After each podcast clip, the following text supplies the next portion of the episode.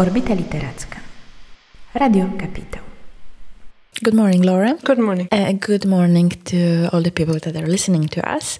Uh, my guest today is Laura Freudenthaler, uh, Austrian writer and author of, um, among others, Ghost Story. In Poland, it came as Opowieść o duchach. It's lovely to, to, to meet you in person, and I would like to, to start with some paradox because there's a lot of uh, silence in your in your mm. books. So maybe we shouldn't meet and talk about your book, and we should just uh, stay silent.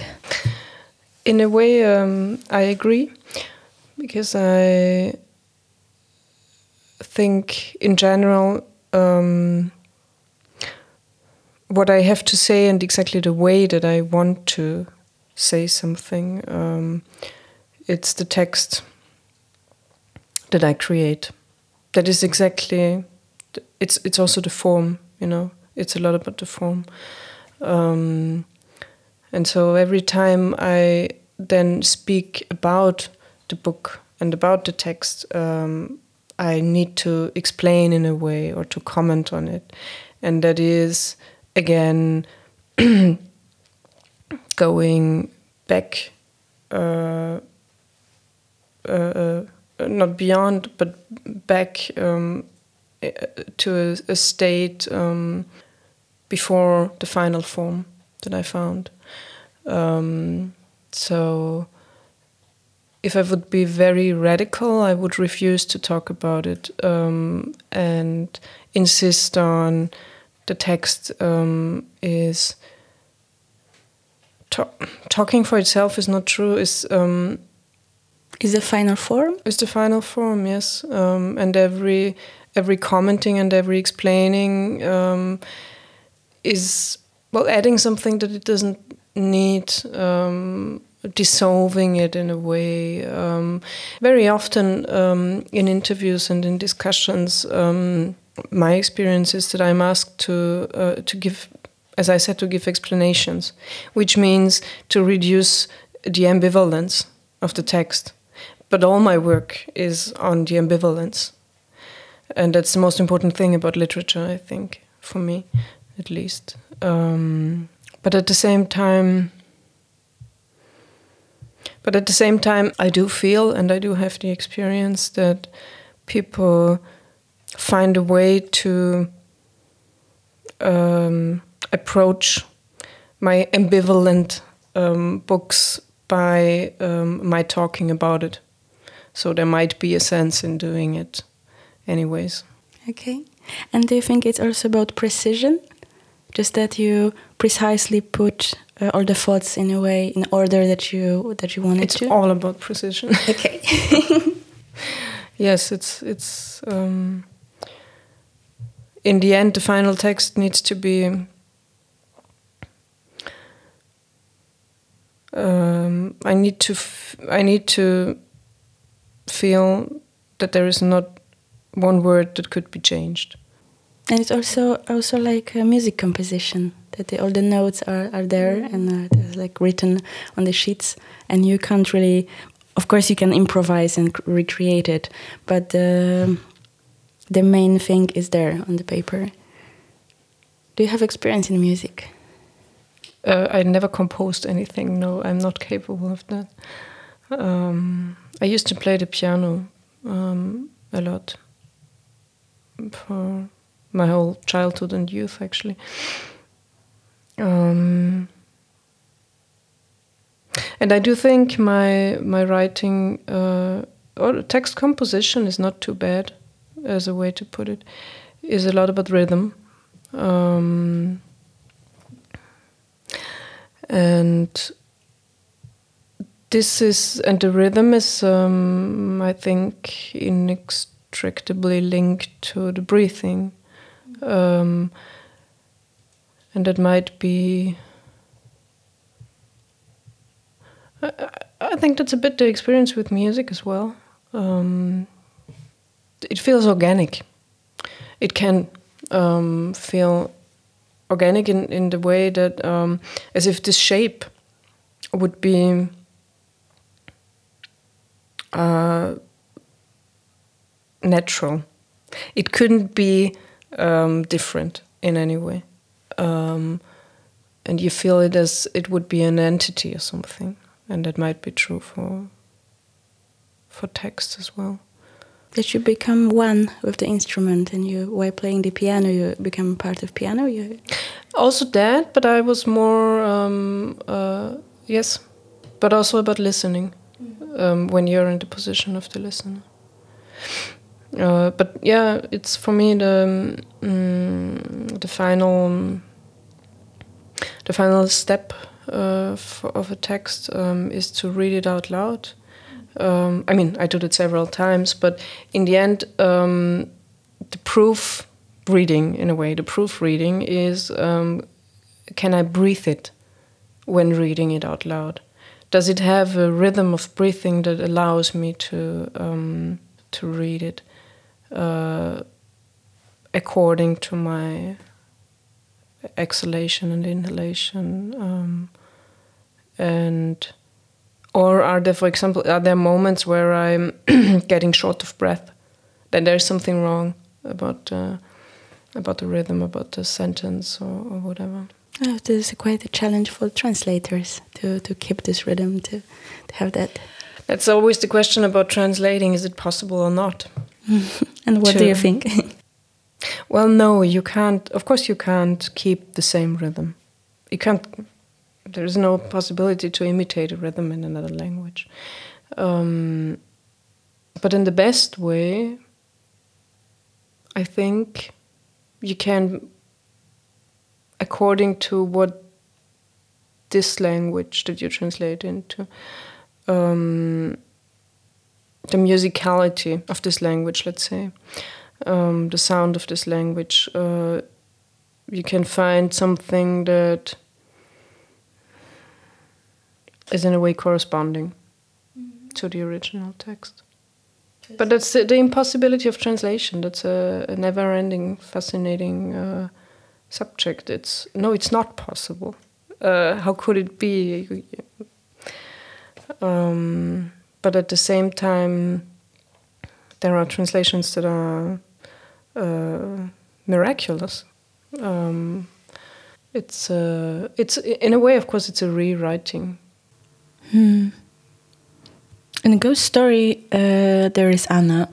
Uh, she's French, but she lives in Austria, and I think she's struggling to translate not only certain words, but also her emotions and experiences.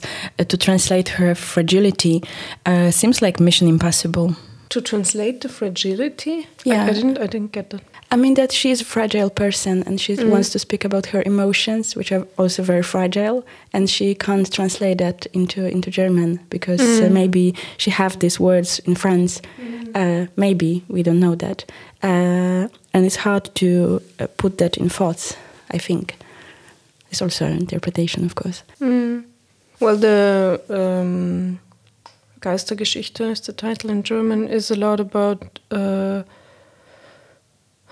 I mean, all my all my books are in a way about um, in which degree uh, understanding each other is possible, um, and um, so the subject the situation in in Geistergeschichte is um, that Anne and Thomas who share uh, well more than 20 years, I think, um, of life and a great intimacy. Um, don't share and will never share because it's impossible. Their so-called mother tongue, um, and uh,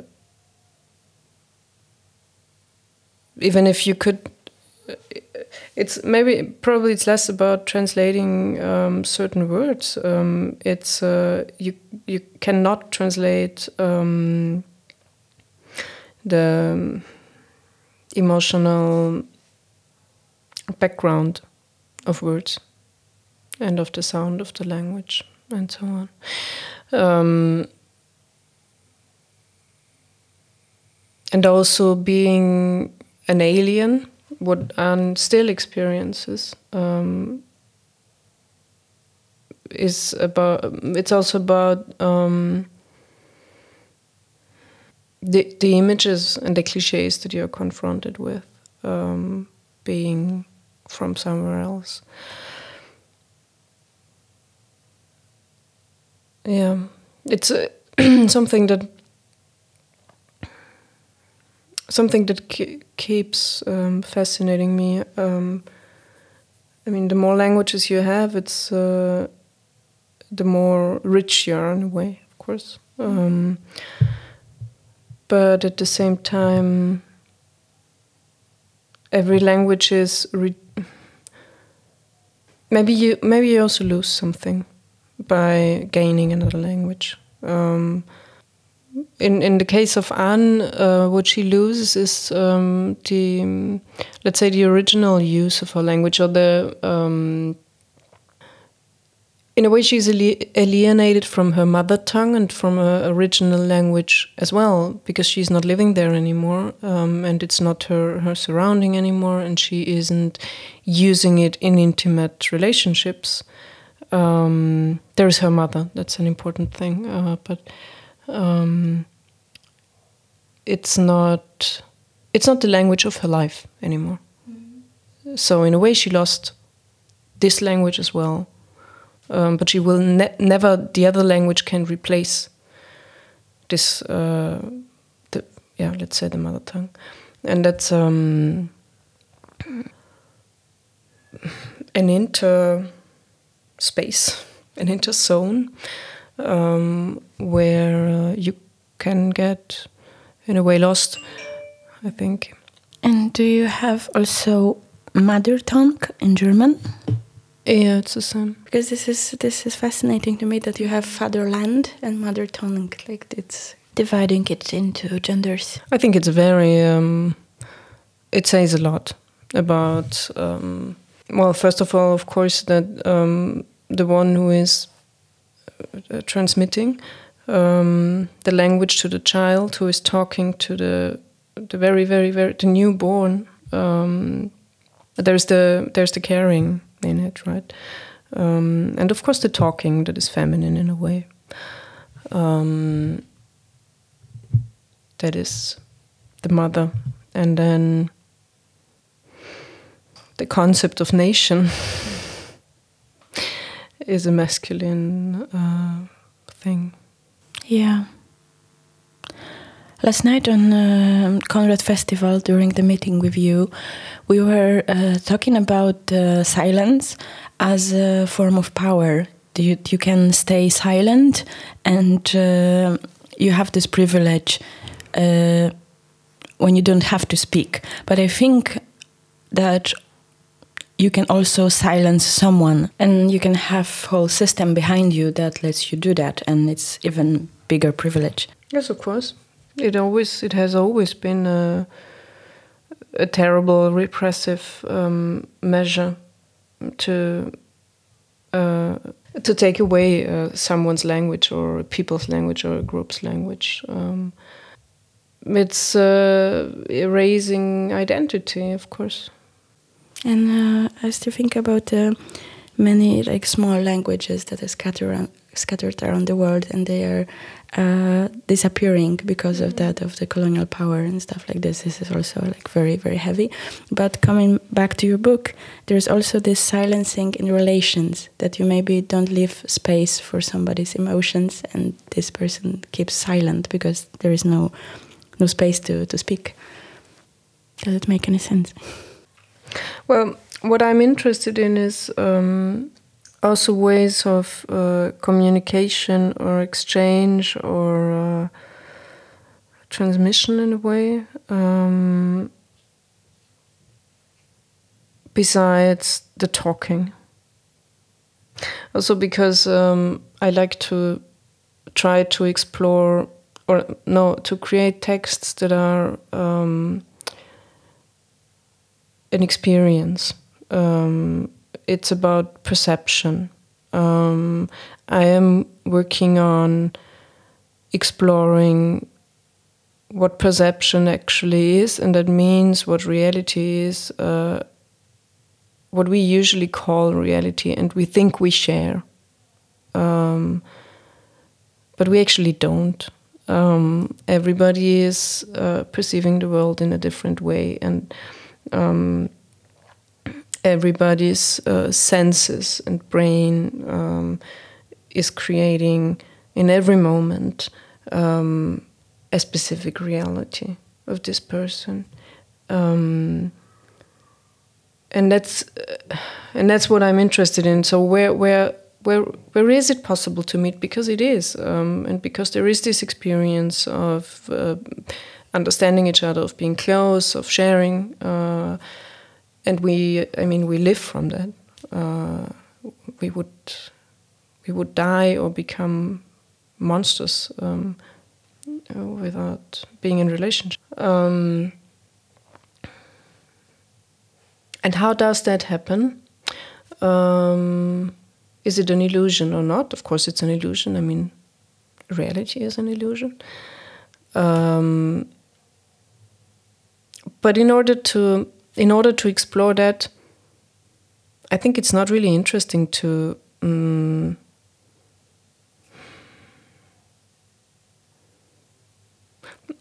as I said, perception is uh, is is a sensual thing, and so I try to describe it in a sensual way. So I I, I try to find out um, where. Uh, uh,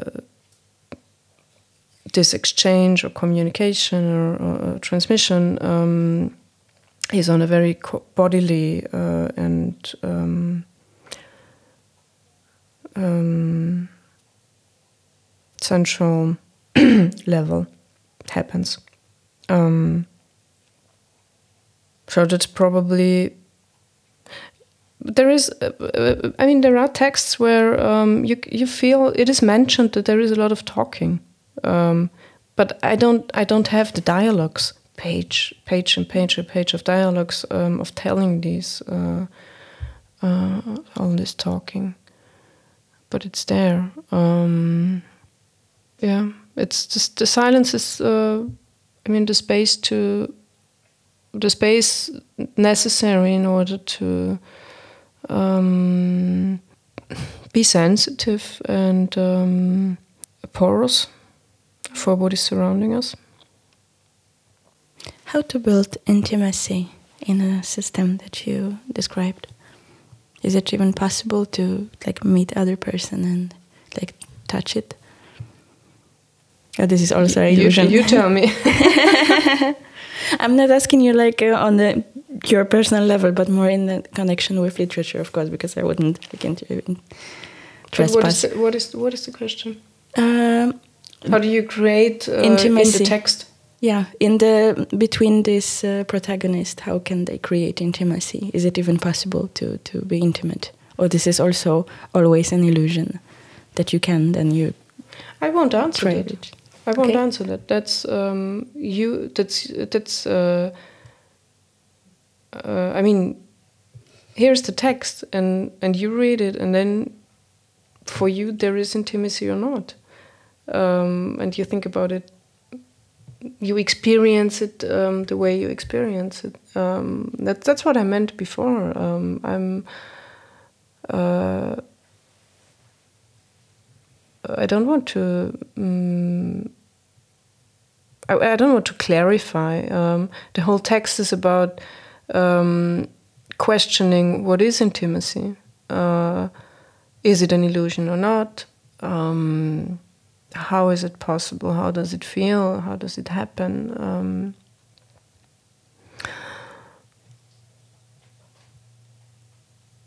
and the most interesting thing is that um, one person will read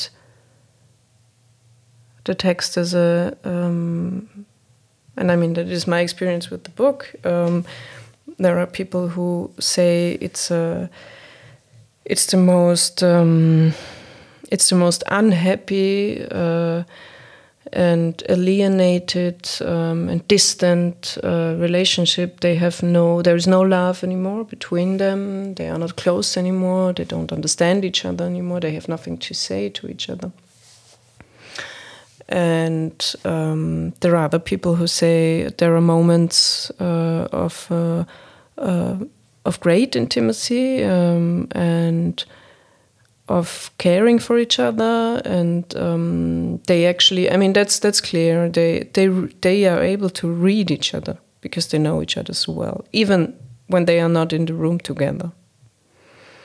Um, and that's everything that interests me. Intimacy is an ambiguous thing. It's um, the most beautiful and satisfying experience that we uh, can possibly have in a life, and it's uh, it can turn into a nightmare. Um, it can be can turn into cruelty, um, and so and and yeah, and that's uh, and so hopefully that's all there, and then how somebody would read would interpret the text um, tells a lot about the person that is reading the text.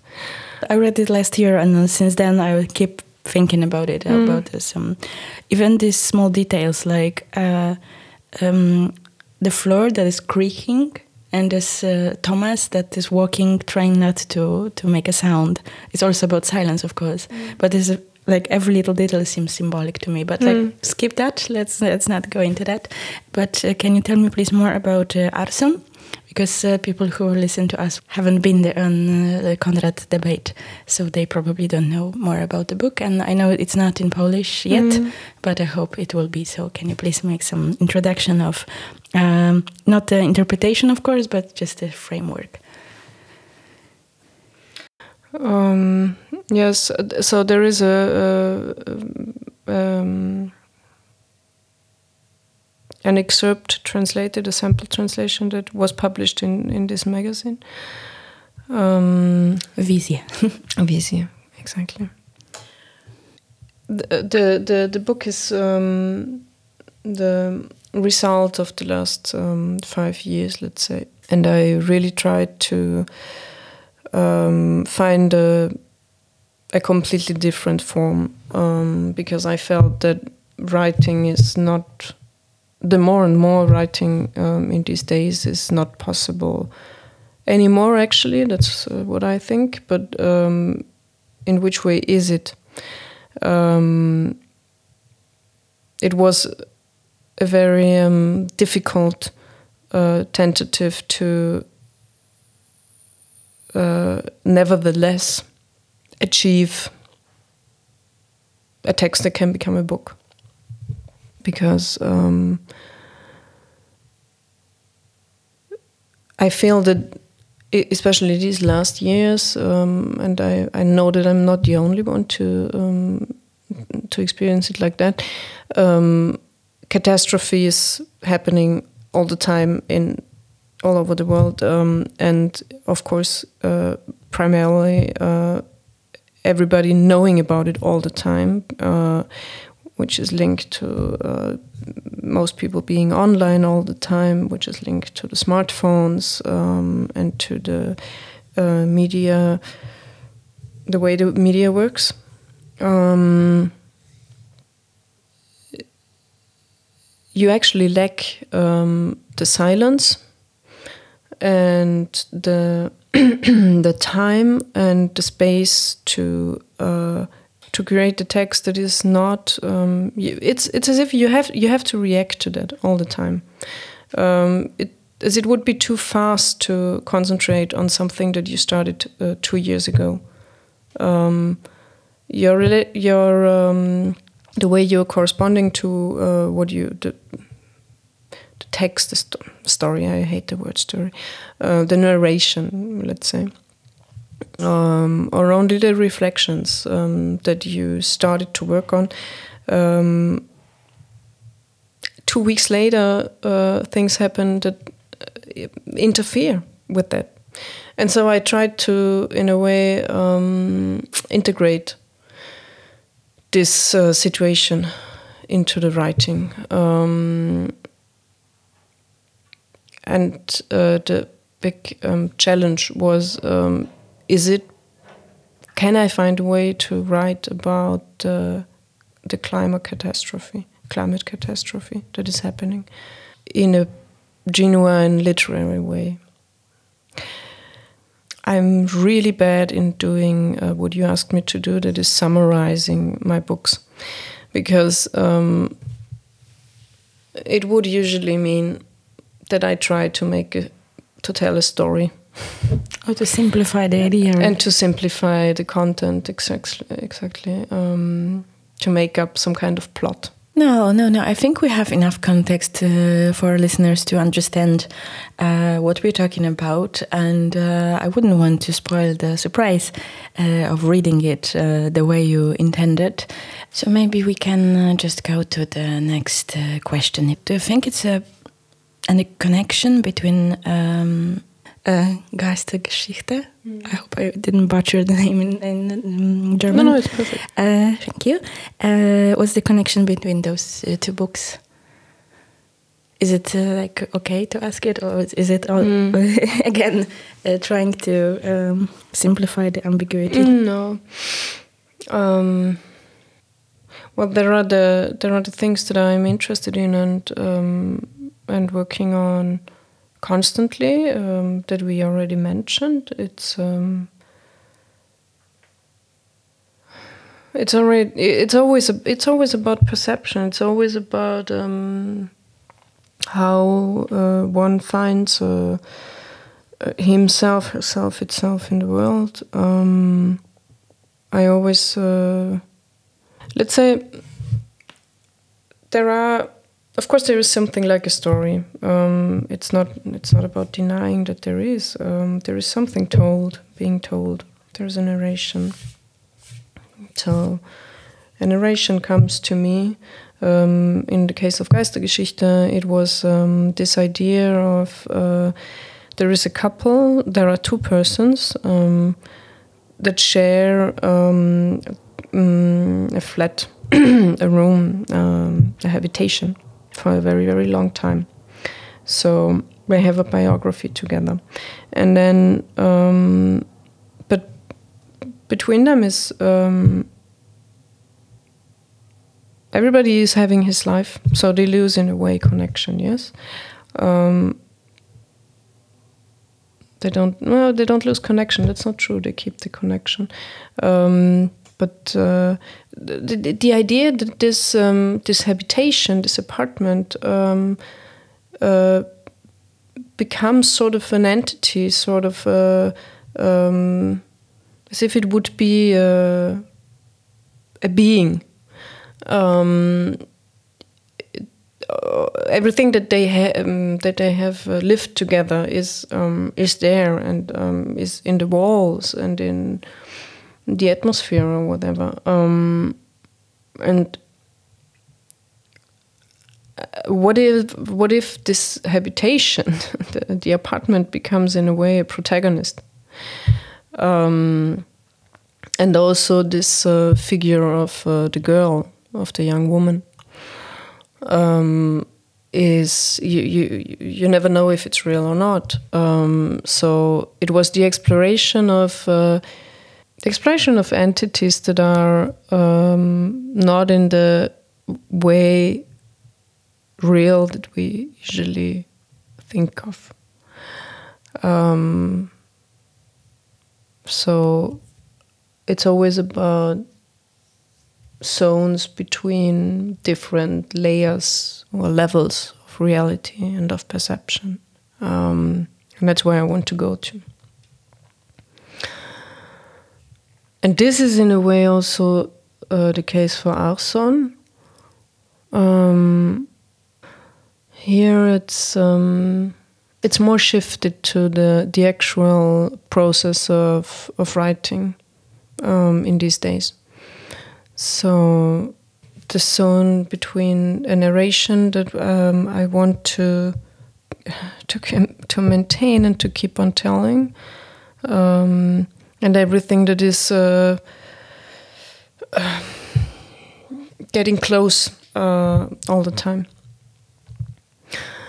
And um, and also, of course, here it's also a lot about language and different um, language registers. I don't know if you can say that.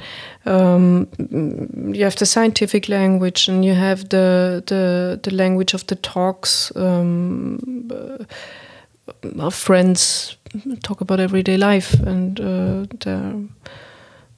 uh, yeah. Uh, also the news, uh, so the, the the language of information. What I tried to do was to, but it should be poetic Right. It should be poetic. It shouldn't be a collage. It shouldn't be. Um, it should be composed. it should be composed, yes, correctly, and it should be. It, it should be put on another level. So is it is it possible to talk about these things without using the language that is usually used for it? Uh, but also without making it less uh, without making it less painful or less urgent or less um, present. This is a beautiful answer. and one last question because I want uh, to um, make you very tired. Um, you mentioned that uh, in the early days you were a pianist and you were playing the piano. Anne in your book mm. when she's uh, tired of sounds and the um, lack of harmony that comes with teaching. She plays uh, Goldberg variations. And did you have your go to piano piece that you were playing just to keep the palette clean? If I had a piece yes. that, that you that you prefer to to to to, to play. uh, that's a, interestingly that's a very personal question. It's it's interesting that I um, experience it like this. But uh, maybe to refer to the Goldberg variations, um, that's uh, that's. Um, I think it's an incredible work that keeps um, keeps fascinating me and keeps um, I keep listening to it over the many many many years um, and in different um, by different pianists um, piano players. And uh, for me the Goldberg variations are listening to it is a bit what is what it is for Anne uh, uh, uh playing it. Um, when there is nothing else, when I can listen to nothing else, um, that's um, that's what I listen to. Um, it's an interesting thing because for me, listening to the Goldberg variations, um, is in a way to find silence. Mm. It's a uh, which is a paradox. Um, so we started with the paradox and we end with the paradox, um, which is um, the the noise. I think the for, for me the Goldberg variations um, and especially Glenn Gould playing them. Um, it's as if uh, you could find silence um, because it's silencing the noise around. Mm-hmm. And then the only thing that is there is this uh, piano play. So that's how that came into the book by my by my own experience. Thank you for sharing that and thank you for our conversation. Uh, my guest was Laura Freudenthaler and uh, my name is Jagoda Gawliczek. This is Orbita Literacka.